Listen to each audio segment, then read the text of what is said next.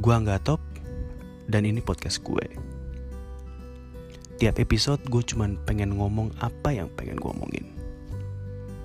Kadang gue ngomong sendiri, kadang gue nggak sendiri. Intinya sih kalau lo suka ya lo dengerin, ya kalau lo nggak suka nggak usah dengerin. Anyway, you will never get your time back. So if you choose to waste it on mine, enjoy the time and have fun.